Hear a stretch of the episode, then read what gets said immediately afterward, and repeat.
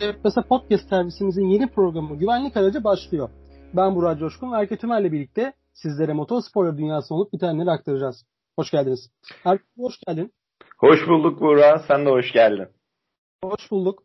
Ee, ilk programımızın şerefine şöyle bir diyorum ki hazır adımızda güvenlik aracıyken Portekiz'de Sayın e, Yaşlı Kurt Reykjanes'in yaptığı olayla mı başlasak? Sağ olsun adımıza yaraşır bir şekilde güvenlik aracını piste çıkarttı.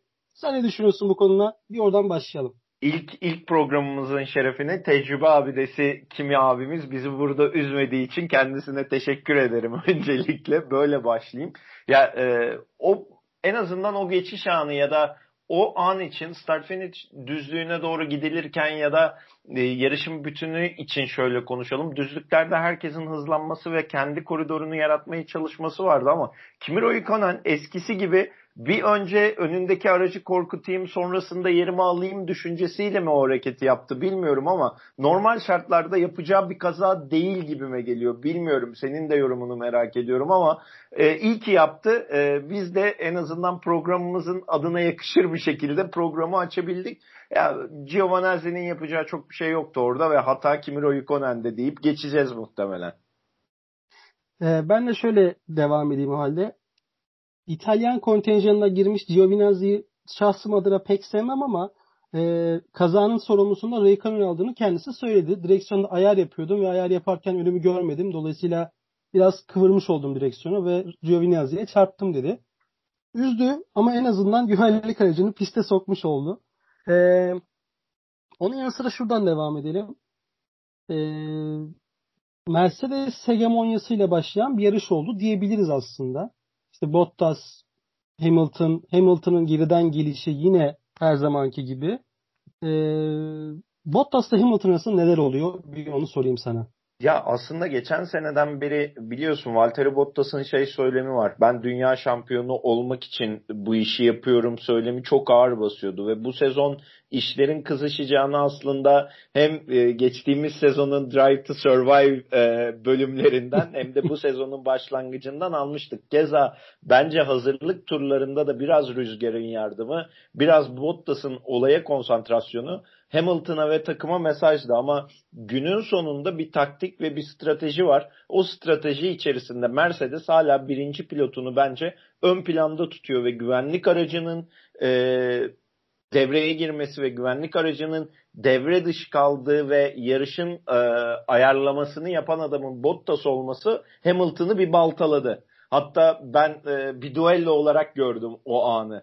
Ve e, Hamilton geçilir miydi? Normal şartlarda o tarz bir anı yaşar mıyız? Bir daha zannetmiyorum ama yarışın temposunu ayarlarken Bottas'ın orada yapmış olduğu hamle Hamilton'ı yedi. Ama Hamilton tecrübesiyle ve biraz galiba takım stratejisiyle bu işin altından kalktı diyebiliriz Buğra. Ve Hamilton iyi bir pilotaj da sergiledi biliyorsun. E, lastiklerim eriyor artık değişmek, e, lastik değiştirelim, pit yapayım demesine rağmen en hızlı turları attı ilk pit stopun e, gidişine kadar ve 3 tur ya da 4 tur kaldı yanlış hatırlamıyorsam değil mi Buğra? Orada sen beni düzeltirsin. Kesinlikle. Ve o Kesinlikle 4 turda doğru. silik lastiklerle en hızlı turları attı o dönem için. Yani böyle bir pilotaj varken elinizde Valtteri Bottas'a mı oynarsınız kumarı yoksa Hamilton'a mı? Ben takım yöneticisi olsam Hamilton'ı oynarım ki Toto Wolff ve diğer ekip de muhtemelen bu noktada Hamilton'ı oynadılar ki zaten o safety car'ın e, çekilmesinden sonra Bottas'ın hamlesi bence takımdan da tepki toplamıştır diye düşünüyorum. Doğru. Ben de şu açıdan hemen devam edeyim. Ee, Sir Lewis Hamilton e, son döneme damga vurmuş, Vettel'den sonra son döneme damga vurmuş en iyi pilotlardan bir tanesi. Seven var, sevmeyen var. Dolayısıyla böyle bir pilotun arkasına ikinci pilotu kimi koyarsanız koyun illaki örselenecektir. İllaki e, pistlerde zorlanacaktır ne kadar iyi olursa olsun. Bottas'a e, herkesin ifadesiyle memur Bottas diyoruz. Memur olmasının sebeplerinden bir tanesi her zaman ikinci sırada giderken arkayı tutması. Bir de ben biraz geçen sene götürmek istiyorum sizi e, ve seni Erke.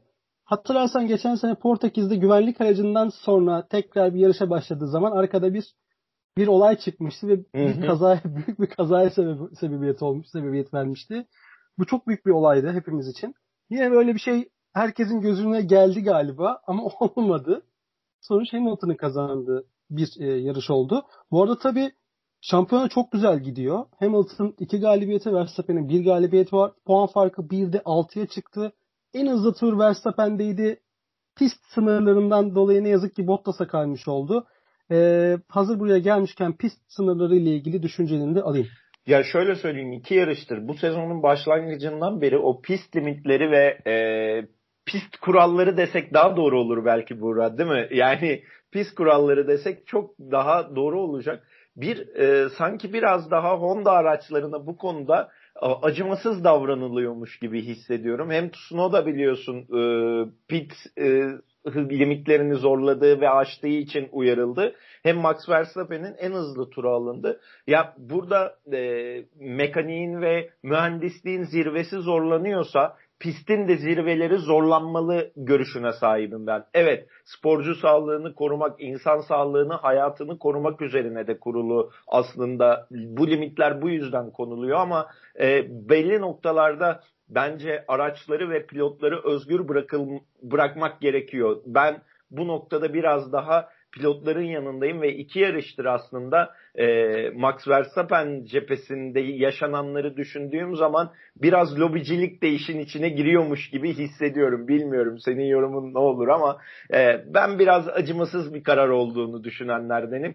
Ve bir de biliyorsun bu hafta sonu rüzgarla da mücadele edildi bu pistte. Bir zaman zaman karşıdan zaman zaman arkadan gelen bir rüzgar var ve bu aerodinamiği direkt etkileyen bir konu. Hani bu noktada biraz daha esnetilebilir kurallar olması, biraz daha e, esnetilebilir limitler olması gerektiğini düşünenlerdenim.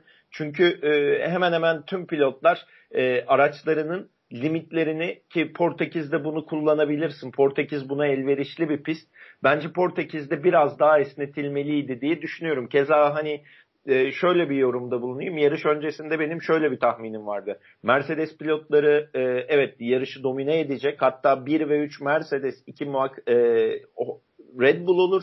Max Verstappen de yarışın en hızlı turunu atar diye videom var. Sosyal medyada paylaştığım diğer mecralar için tahmin üzerinden kurulu.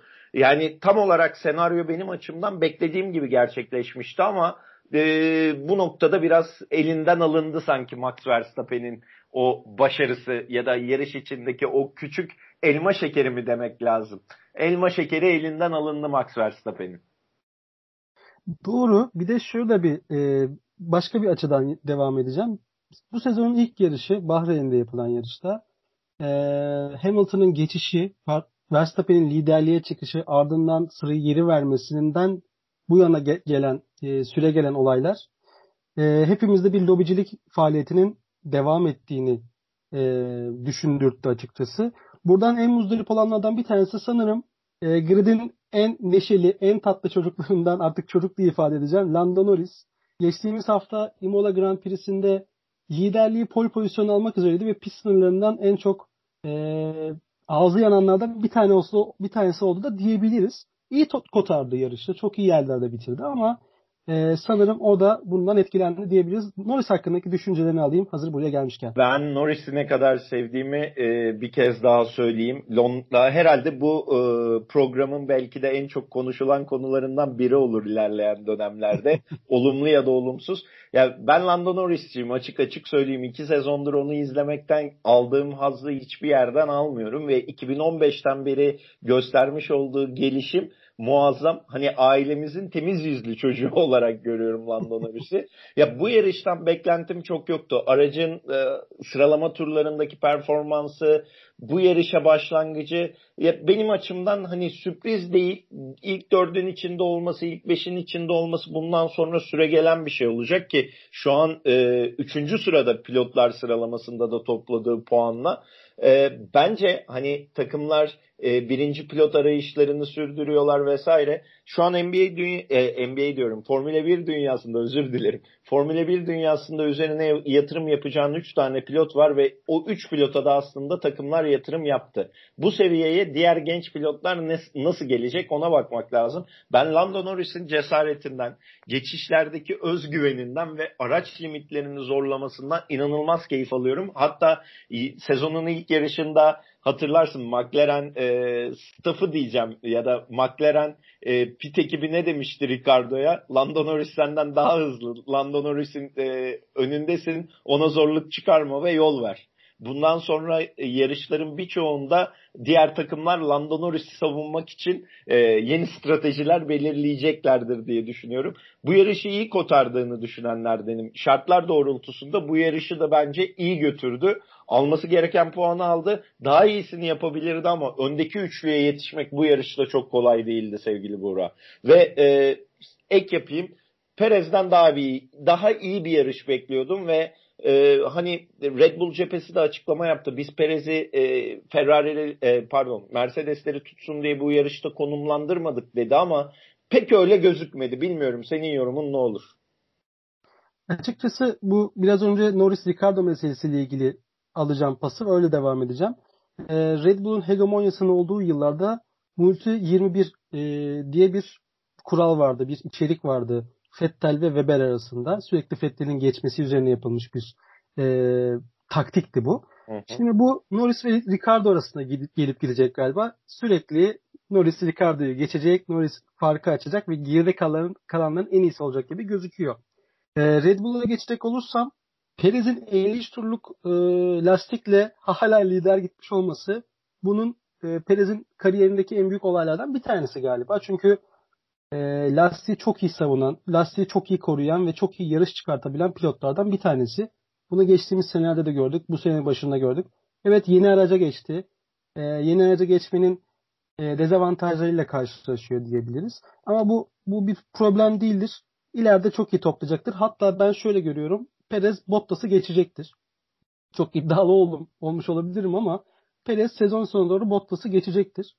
Ee, Verstappen'in Mercedes'in arasında kaybolmasını da aslında engellemiş olacaktır bu sayede. Güzel bir sezon geçiyor bizim için. Şimdi biraz da şeye geçmek istiyorum. Ee, bize Formula 1'i sevdiren, hepimizin e, aşık olmasını sağlayan o kırmızı renklere biraz dönelim. Kırmızı renkler bu sene e, en genç grid kadrosuyla pistte. Charles Leclerc ve Carlos Sainz. Bunlar hakkındaki düşüncelerini ve yarış içerisindeki olayları biraz da senden dinleyelim abi. Ya ben sadece e, Carlos Sainz üzerinde uygulanan lastik stratejisini bir anlamlandıramadım. Pit stop ve lastik stratejisini anlamlandıramadım. Ama sonrasında kendime şu cevabı verdim Buğra. Binotto'nun olduğu yerde e, bu tarz saçmalıkları görmeye alışkın değil miyiz son iki senedir? Ben sana öyle bir önce bir soru sorayım. e, Ferrari'nin başında bir notta varsa ben her şeyi hazırım. Öyle devam edeyim. Çünkü Ferrari iyi giderken kötüleşen, kötü gittikten sonra toparlayamayan bir kadroya sahip. Biraz Pollyanna galiba Sayın Binotto. Ee, iyi olacağız, toparlayacağız. Hep bir sonraki seneye bakacağız. Hep önümüzdeki maçlara bakacağız. Ee, minvalinde cümleler kuruyor ama görüyoruz hep önümüzdeki maçları da açıkçası. Ee, bu sene o sene değil. Bu sene o geçmiş senelerdeki gibi kötü değiller. Çok da iyi değiller. Ama McLaren'le kafa kafaya gidiyorlar. Bu çok güzel bir şey. Geçtiğimiz senelerde neredeyse puan alamıyordu. Neredeyse çoğu yarıştan puan alamıyordu. Tabi burada artı parantez Fethel'e de açmak lazım. Çünkü kendisi artık bırakmıştı, salmıştı, uğraşmıyordu, dikkat etmiyordu gibi her türlü şey söylenebilir belki de. Ama şu anda ki pilot kadrosuyla belki Sainz'in üzerine yapılanlarla e, puan alamasalar bile çok iyi yarışlar çıkartacağını düşünüyorum. Kaldı ki bu sene bu haftaki yarışımızda Katalonya'da hemen ondan da bahsedeyim. İspanya Katalunya pistinde olacak. Katalunya Ferrari'nin pek sevdiği bir pist değil. Açıkçası onu da söyleyeyim. Ee, bakalım bu hafta ne olacak diyeyim. Binotto'dan pası şöyle, aldım. Ben şöyle bir şey söyleyebilir miyim Buğra? Yani bu hafta aslında şey vardı. Sen de fark etmişsindir. En azından Sherlock Leclerc üzerinde hani bir e, McLaren temposuna geldi Sherlockler yarış içerisinde ama bunun sürdürülebilir olması gerekiyor. Ya araçtan ya pilotajdan kaynaklı. Hani Carlos Sainz Jr. için aynı şeyi söyleyemeyeceğim ama en azından bu yarış özelinde e, McLaren seviyesindeydi. O orta sıra mücadeleleri içerisinde McLaren kadar performans verdi yarış içinde ama devamının gelmemesi araçtan mı yani işin mühendislik tarafında mı sorun olduğunu gösterir yoksa pilotaj tarafında mı bundan çok emin değilim. Ben şahsi yorumumu söyleme, söyleyeyim o halde. Bence e, işin aerodinamisinde, motorunda ve aracın kendisinde bir sorun var. Çünkü hani pilotaja baktığımız zaman Leclerc'in yeri geldiği zaman güzel yarışlar çıkarttığını bence bizi dinleyenler biliyordur, hatırlayacaklardır. Keza Sainz'in geçen sene McLaren'le yaptığını, ondan önce Toro Rosso takımını yaptığını herkes hatırlıyordur. Bence Ferrari'nin genelinde bir sıkıntı var. Bazen aerodinami, bazen lastik stratejisi, bazen e, Binotto Bey'in e, taktiksel dehası tırnak içerisinde tekrar söylüyorum. Dan kaynaklı bir birkaç problem var ama bence asla bu pilotajdan değil. Diyerek e, başka bir takıma geçeceğim. İki sene üzerine piste dönen ve sıradaki kim, kimi geçmem gerekiyor gibi bir e, telsiz mesajıyla günümüzü şenlendiren Sayın İspanyol Fernando Alonso ve onun takım arkadaşı Esteban Ocon hakkındaki düşüncelerini alayım abi. Bu yarış hepimize sürpriz yaptılar diyebilir miyiz? Kesinlikle sana pas atmadan şunu da söylemek istiyorum. Alonso'nun yarış sonrasında bir açıklaması vardı. Şöyle diyordu. E, bu, bu pistin bizim için en büyük avantajlarından bir tanesi lastik ısıtma problemimizin çok fazla olmaması diyordu. Mercedes ve Mercedes ve bizde lastik ısıtması çok büyük sıkıntı. Ancak bu pistin e, duruşundan dolayı biz çok rahat bir şekilde puan alabildik ve hızlanabildik diyordu. Çünkü hatırlarsan sezon başından beri Mercedes'te bir sürekli çok hızlı lastik ısıtma problemi vardı. Keza aynı şekilde Alpine takımında da var bu. Ama bu yarışta bu pistte olmamasının sebeplerini biz puan durumunda puantajda görmüş olduk diyerek tekrar pası sana veriyorum. Ya iki yarı e, daha doğrusu Bahreyn e, özelindeki söylemler hani hatırlayacaksın Alonso Bahreyn'de çok memnunsuzdu olaydan. E, bu yarıştan keyif aldığını söyleyerek zaten hani ilk açıklaması şeydi yanlış hatırlamıyorsa. Ben bu yarıştan keyif aldım, yarışmaktan keyif aldım demişti e, yarışmaktan keyif aldığı noktada galiba aracı aracı da iyi tanımakla da doğru orantılı. Aracı tanımaya başladıkça yarıştan keyif almaya ve tekrar o rekabetçi ruha bürünmeye başladı ama sürdürülebilir mi bilmiyorum. İlerleme kaydetmesi gereken hala çok nokta var. Özellikle yani bu dediğin gibi az önce çok güzel özetledin. Sıradaki gelsin. Hani kimi geçeyim söyleyin, onu da geçeyim söyleyin e, noktasını bir kenara bırakırsak hala viraj çıkışlarında yani virajdan düzlüğe geçişlerde bence ya Alfin takımı en azından Alonso cephesinde o istediği randımanı alamıyor. Yani işin aerodinamik tarafında hala gaz tepkimeleri ve viraj çıkışlarında o senin az önce altını çizdiğin lastik meselesiyle birlikte hala araç istenilen seviyeye gelmedi ama o istenilen seviye Imola e, e, pardon özür diliyorum Barcelona'da yakalanabilirse eğer e, tekrar biz puan alan tekrar e, orta sırada söz sahibi olmaya çalışan bir Alfin görürüz. En azından bu rekabetçi ruhu taşıdığını gösterdi e, yaşlı kurtu. Onu söyleyebilirim. O konunun hiçbir zaman için pilotajını beğenmedim. Üzerine e, bir yorum yapmak istemiyorum. Sevdiğim pilotlardan biri değil Esteban Ocon. O halde seviyoruz, sevmiyoruz meselesine girmişken griddeki 20 pilot arasındaki o konu dışında hiç sevmediğim bir pilotun ismini alabilir miyim senden? Biraz sert bir soru oldu kusura bakma ama. Ee, sayayım. iki tane var. Dinliyorum. Mazepin ve e, diğeri de tabii ki yani Bottas. ikisi herhalde. Sevmediğim iki adam var. Ee, Giovanazzi'yi de ekleyebilirim bak buna. Bir hemen düzeltme yapmak istiyorum. Mazepin değil Mazepin olarak değiştirsek mi bu ismi? olabilir. Kendisini... Mazepin olabilir.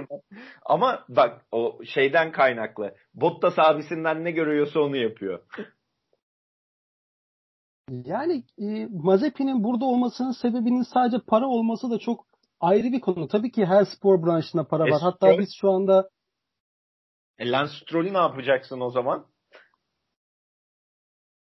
E, Stroll artık bir şeyleri aştı. Evet ilk başta çok kötüydü. E, Williams'a para getirdi. Williams da takım arkadaşı Bottas'tı. Bir şeyler kazanıyorlardı. Hatta Massa'ydı daha doğrusu.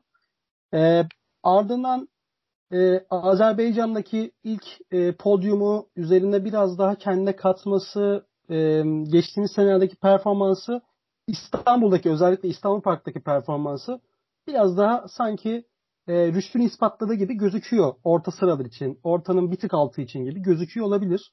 E, ama Mazepin olacak gibi değil ya. Hani olacak gibi gözükmüyor. Evet baba parasına sahip bir pilot daha var mesela. Williams'ın ikinci pilotu Nicholas Latifi. Latifi. Aynen öyle. Bu tarafta da mesela Williams'tan e, madem Latifi'den laf açıldı. Latifi'nin takım arkadaşı George Russell Mercedes akademiden çıkmış. Hamilton'ın gitme veya gitmeme ihtimaline karşılık şu anda yedek pilot olarak gözüken bir pilot. E, hatta şu anda Pilotlar Akademisi'nin başkanı oldu. Geçtiğimiz haftaki bu e, talihsiz Bottas kazasının ardından yaptığı ufak tefek e, sinir harbinin ardından özürünü diledi. Biraz daha işine odaklanmaya çalıştı. Ee, yarışta da aslında 11. başladı. Kazada, Buğra, ben hala o kazada Bottas'ı suçlayan taraftayım. Yani evet George Russell'ın da cengaverliği var ama e, George Russell orada geçiş yapmaya çalışan ve yarış çizgisini bence koruyan taraftaydı. Küçük çocuğu ezdiler diye düşünüyorum hala. Küçük çocuğu yani takım olarak ezmemişlerdir de bence Bottas orada bir hinlik yapıp e, ya ben bunu bir hadi bir yarış dışına atayım da bir bak bakalım ne oluyor görelim minvalinde bir şey düşünmüştür. Kaldı ki Russell'ın açıklaması da o yöndeydi. Yani Bottas'ın 9. lukta savaşmasında ne, ne, ne iş olabilir ki diye soruyordu. Haklı da. E, yarışma bırak geçsin sen zaten pite gireceksin veya hani ön sıralara oynayacaksın. Senin orada bir işin yok. Olmamalıydı böyle bir olay. Olmasını istemezdik ama belki de önümüzdeki sene Bottas e, bunca senelere rağmen şampiyon olamadığını ve gerçekten arada kötü yarışlar sergilediğini gördükten sonra herhalde benim koltuğuma Russell geçecek. Dur ben bunun bir kuyusunu kazayım demiş ve düşünmüş de olabilir diye düşünüyorum açıkçası. Komplo teorileri var aklımızda. Neden olmasın? Yani yani ben senin sözünü böldüm bu arada ama Mazepin'den yol olmaz. Hani bunu biraz mahalle dilinde söyleyecek olursak cecia salata olarak koymazsın Mazepin'i ya. Yani öyle söyleyeyim. Ya tabii e, paraya ihtiyaç var. Şimdi e, Haas'ın sahibi Amerikalı Gene Haas artık yeter dedi. Çünkü yani geçtiğimiz senelerdeki pilot, pilot arkadaşlar biraz e, çok kaza yaptı, çok iyi toplayamadı. Biraz, biraz yani hayal, şimdi gülüyoruz ama gerçekten e, Formula 1 tarihinin en trajik kazaların listesini oluştursan ilk içe koyabileceğin hatta belki de e, vefatları bir kenara çıkartalım. Büyüklük açısından e, Formula 1'de belki bir ya da iki kere araç ortadan ikiye ayrıldı. Ve geçen sene Roman Grosjean bir... Az'la bunu yaşadı. Tabii. Hemen şöyle bir gözümüne gelen üç tane e, kazayı e, an, e, anlatmak istiyorum sana. Bir Massa'nın gerçekleştirdiği kaskına vida giren kazamız var. Evet. İki Kanada'da e, Kubica'nın gerçekleştirdiği ve felç kalmasına sebebiyet veren kaza var. Bu da üç oldu. 3 oldu. Ee, ya şöyle bir gözüm önünde gelen ilk anda gelen bunlar Bak, oldu. Daha tabii ki var. Kubisa gelmedi benim aklıma. Ee, teşekkür evet, ederim. Şimdi şimdi anımsadım. Ee, tabii kötü bir zamanlamaydı Haas için. Gerçekten çok kötü bir zaten çok kötü bir yıldı. Zaten gideceklerdi ama e, Grosjean'ın direkt olarak diğer ahirete, diğer dünyaya göç etmesini hiçbirimiz istemezdik. E, bu şekilde bitti. Ardından güzel bir renk tonuyla biraz ironik katıyorum kusura bakma ama güzel bir renk tonuyla renk e, dizaynıyla pistlere çıkması Rus bayrağıyla e, yarışlara çıkması çok değişik oldu. E, bir diğer taraftan da efsane Michael Schumacher'in oğlu Mick Schumacher'in gelip e, Williams takımından Latifi geçmesi de tabii ki gözlerimizi şenlendirdi. Uzunca bir süreden sonra bir Schumacher pist üstüne geçiş yaptı. Bu da sanırım seni de etkilemiştir bu konu hakkındaki düşüncelerimi ve Mick'in geleceğiyle ilgili bir birkaç cümle alayım senden. Sana bir şey soracağım Buğra. Araç Haas aracı değil de e, şöyle bir düşünelim. Aston Martin'de falan olsaydı Mick Schumacher bundan daha fazla geçiş izletmiş miydi sence bize? Ee, şu anlık hayır. Bence o gelişim aşamasında e, Russell da geçtiğimiz senelerde böyleydi. Hep Russell ve örneklemelerle gideceğim. Çünkü hepimizin gözü önündeydi. Norris'in yükselişi, e, Stroll'ün yükselişi ve Russell'ın ve Mick'in hepimiz şahitiz bunların yükselmesine. Bence Schumacher'ın Aston Martin'de olması veya başka bir araçta olması bize çok daha fazla geçiş izletmeyecekti. Bence belki de sezon sonuna kadar başka hiçbir geçiş izletmeyecek. Ama e, geleceğe dair Mercedes koltuğuna aday bir pilot olduğunu düşünüyorum ben. Ee, güzel bir gelecek bizi bekliyor diyebilirim.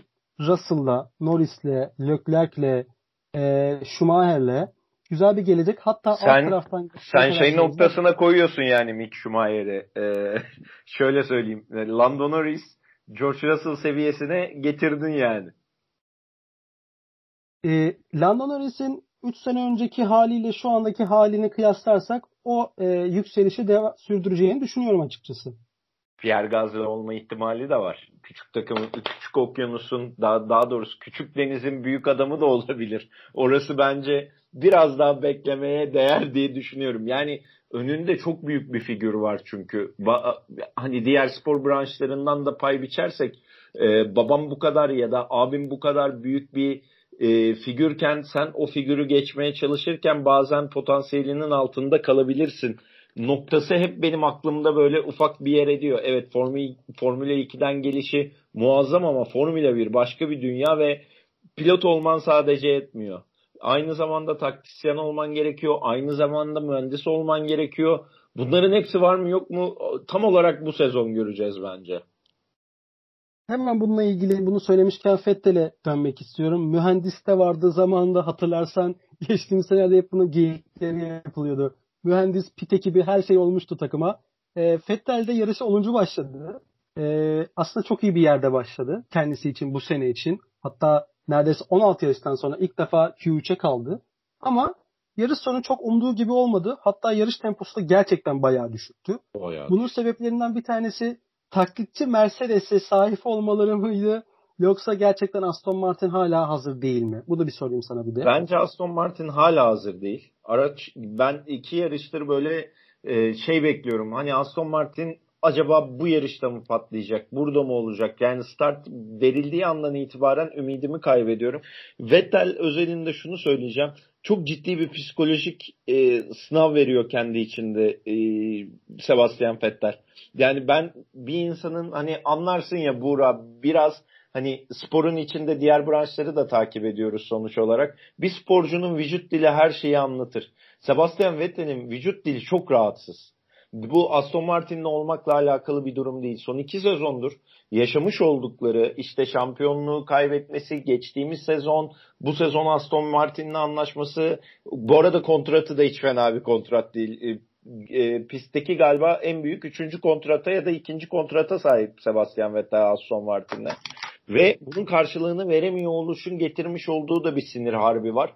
Çok enteresan ya. Yani 3 e, sene önceki Sebastian Vettel ile bugünkü Sebastian Vettel arasında dağlar kadar fark var. Sanki zorla yarışı, yarışıyormuş gibi. Yani yarışın bir anı geliyor ve o pitten çıktıktan sonra ilk pit stopun ardından sanki zorla yarışta tutuyorlarmış gibi bir hava var Sebastian Vettel'e.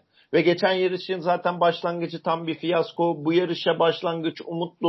Yarış içindeki taktik strateji, aracın yetersizliği ve Vettel'in psikolojisi hani winner bir karakterden loser bir karaktere dönüyormuş ve onun buhranını yaşıyormuş gibi bir hava var. Yani açıkçası doğru. %100 katılıyorum sana. Ama bu adam buraya nasıl geldi? Bunu da bir sorgulamak lazım. Bunun sebeplerinden bir tanesi Binotto mudur? Yoksa Ferrari midir? Yoksa başarıya doymak mıdır? Bunun altında bence psikolojik nedenler tabii ki vardır. Hatta biraz daha tezi ileri götürerek şu cümleyi kuracağım. Fetel bir e, Raikkonen gibi uzunca yıllar e, piste kalamaz ve galiba bu senede son senesi olacak gibi gözüküyor. Yani öyle bir görüntü var. E, biraz para için kaldı dediğin gibi ama paraya da ihtiyacı var mı yok mu? Formula 1 pilotların o da ayrı bir soru. Yani en kötü e, pilotun bile aldığı maaşlar gerçekten göz kamaştırırken neden ihtiyacı olsun? Ayrıca yani Fettel'in de yani Hamilton gibi bir hayatı yok. Hamilton her yerde var. Fettel hiçbir yerde yok. Sosyal medyası bile yok gibi. Dolayısıyla hani bu adam ne yapmaya çalışıyor veya niye burada diye sorabiliyoruz. İnşallah bizi yanıltır da şöyle eski günlerini aratmayacak bir e, sıralama turu, bir yarış performansı çıkartır da şöyle bir eskiyi yad ederiz, eskiyi özleriz, eskiyi özlemimizi gideriz daha doğrusu. Hatta hatırlarsan sanırım Imola'daydı. Raikkonen, e, Fettel ve şey e, Alonso pardon özür dilerim Bahreyn yarışındaydı. Üçü şöyle güzel bir çekişti bir viraj, iki viraj sürecince.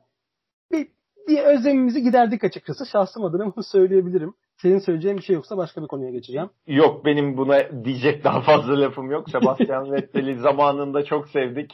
Ferrari'ye geldi diye bayraklar asıldı duvarlara ama günün sonunda e, hem e, tifosiler sağ olsun adamın psikolojisini ve kariyerini yedi. E, kırmızı bir lanettir. Yeri geldiğinde seni yüceltir, yeri geldiğinde hayatını karartabilir. Hemen şöyle bir e, son e, takımımıza bakalım. Alfa Tauri, Honda motoru kullanan takımımız. E, Pierre Gasly ki Pierre Gasly'nin Gasly'nin inişli çıkışlı bir e, performansı vardı. Bazen Red Bull'da, bazen ikinci takım Alfa Tauri'de, eski adıyla Toro Rosso'daydı. İtalya Grand Prix'sini kazandı geçen Monza'da. Müthiş bir yarıştı. E, Hamilton'a güzel cezalar geldi. Bunu söylemeden edemeyeceğim. Ama e, sonrasında güzel performanslar sergiliyor. Yanında da ufaklık e, Sayın Japon Yuki Tsunoda'nın e, delilliğinde ve e, harakiri özelliğindeki geçişleri güzel şeyler seyrettirdi bizi açıkçası ilk yarışta ama gittikçe düşen bir performansı vardı. Imola'da sürekli pist dışına çıktı. Keza aynı şekilde burada da. E, konumuzun en başına senin dediğin e, bahsetmiş olduğumuz pist sınırı ile ilgili Sun, Sunoda ile ilgili şunu söyleyeceğim. 20 kez uyarı alır mı bir insan ama ya? 20 kez uyarı aldı sonra pist şey silindi, süreleri silindi. Ya bu da bir artık sende bir bir kulaklığı dinle bir anla. Sana dedi de diyorlar bir anla değil mi? Haksız mıyım ama erkek? Yok çok haklısın. O şey ailemizin küçük eniştesi olduğu için o da daha yeni yeni alışıyor abisi buralara. ya bazı adamlar vardır kurallara karşı çıkarak bazı şeyleri değiştirir ama onun için gerçekten arkanda büyük bir CV ve büyük bir kuvvet olması gerekir. E, Tsunoda'da o yok ve sürekli kendini ispat etme çabası da var bir yandan. Bunun sen de farkındasındır. O kendini ispat etme çabası bazı uyarıları e, duymamazlığı e, duymamazlığı getiriyor. Yani Tsunoda'nın öyle bir problemi var. Ya ben buraya geldim, ben burada bir şeyleri kanıtlayacağım, bunu yapacağım. Hani e, çok disipline yaşamakla doğru orantılı bir şey bu. Bu kadar disipline ve olaya bu kadar net fokuslandığın zaman a, e, bazı doğruları yanlışa çevirirsin. Tsunoda'nın derdi o şu an. Yani o kendini ispat etme çabası içerisinde saçma sapan işler yapıyor ve altındaki araç da hiç fena değil bu arada. Yani ben e, Toro Rosso'ya ayrı bir hayranlık duyuyorum geçen sezondan beri ki Pierre Gasly'e yapılanın haksızlık olduğunu düşünüp e, Pierre Gasly tekrar e, Toro Rosso'ya döndüğünden beri yani Honda motoruyla bence harika işler çıkartıyorlar. Ya bu iki yarıştır istenilen seviyede değiller ama birkaç yarış sonra onlar da bence aradıkları ritmi bulacaklar. Ha Tsunoda için e, tıpkı e, Schumacher için söylediklerimi söyleyeceğim. Bekleyip göreceğiz. Peki. E, aslında bir Japon ne derler? Japonların bir çalışma prensibi, bir mantığı vardır. Gerçekten çok iyi çalışırlar ve dünya dünya üzerine örnek gösteren ülkelerden bir tanesidir. Umarım Tsunoda da bize o e, Japon çalışma prensibini gösterir. Eskisi gibi o eskiden gridde olan Takuma Sato gibi ve diğer Japonlar gibi e, sürekli kazalarla anmamış oluruz kendisini diyerek ya, e, cezalarla sürekli anacağız bence. İkaz ve cezalarla sürekli anacağız.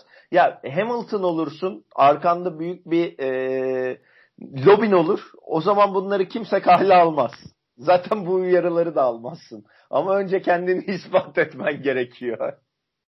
O zaman ben şöyle bir e, tırnak içerisinde çok güzel bir sözle e, Türk filmlerinin bence en güzellerinden bir tanesinin sözüyle başka bir konuya geçeceğim. Sen Japonsun, akıllı adamsın, kendini topla diyorum Yuki Tsunoda'ya. E, ve aslında bu hafta içinde aldığımız en muhteşem haberle devam etmek istiyorum. Formula 1 yeniden İstanbul'da. Tek cümlem var. Ee, şöyle söyleyeyim. Mutlak surette yaşadığımız heyecan zaten had safhada. E, zaten Kanada'nın devre dışı kalmasından sonra ben bu işin Türkiye'ye geleceğini düşünüyordum. Ya hatta emindim. Kendi içimde böyle bir nedense özgüvene sahiptim. Sadece şu var. Özel sermaye ile bu işin geliyor olması sürekliliğini maalesef yok ediyor. Burada ayrı yeten devlet garantörlüğüne ciddi anlamda artık ihtiyaç var. Eğer bu sporun, bu prestijli işin dünyanın 144 ülkesinde canlı yayınlanan bu organizasyonun tanıtımının ne kadar büyük olduğu tartışılamaz ve yatsınamaz. Yani devlet büyüklerimizden en büyük ricam garantörlük verin. Yani Formula 1'in istediği meblağ çok uçuk bir meblağ gibi gözükebilir ama hayat şartları normale döndüğünde mücbir sebep dediğimiz bu pandemi hayatımızdan çıktıktan sonra ülkenin turizm gelirine ciddi bir katkısı olabilecek bir organizasyondan bahsediyoruz.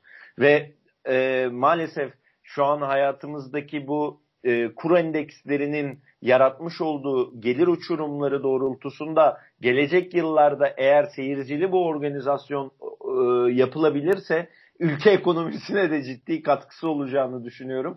Emeği geçen herkese teşekkürler. Lütfen piste asfalt atmayın. İş güzellik Hamilton yap- abimiz kızıyor.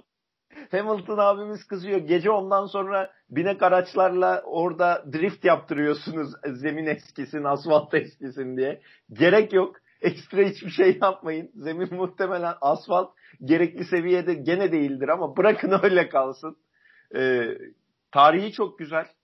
Keşke ama diyorum ya geçen seneki gibi inceden yağmur olsa, şöyle tadından yenmeyen kazalar, aksiyonlar olsa ama e, izlemesi büyük bir keyif. Bakalım çağrılır mıyız Burak? Bizi çağıran olur mu? Çok merak ediyorum. Valla biraz daha e, güzel konuşursak bence kesin çağırırlar. Şöyle güzel güzel diyelim ki bizi çağırın, bizi çağırın mesajları verelim. Belki çağırırlar.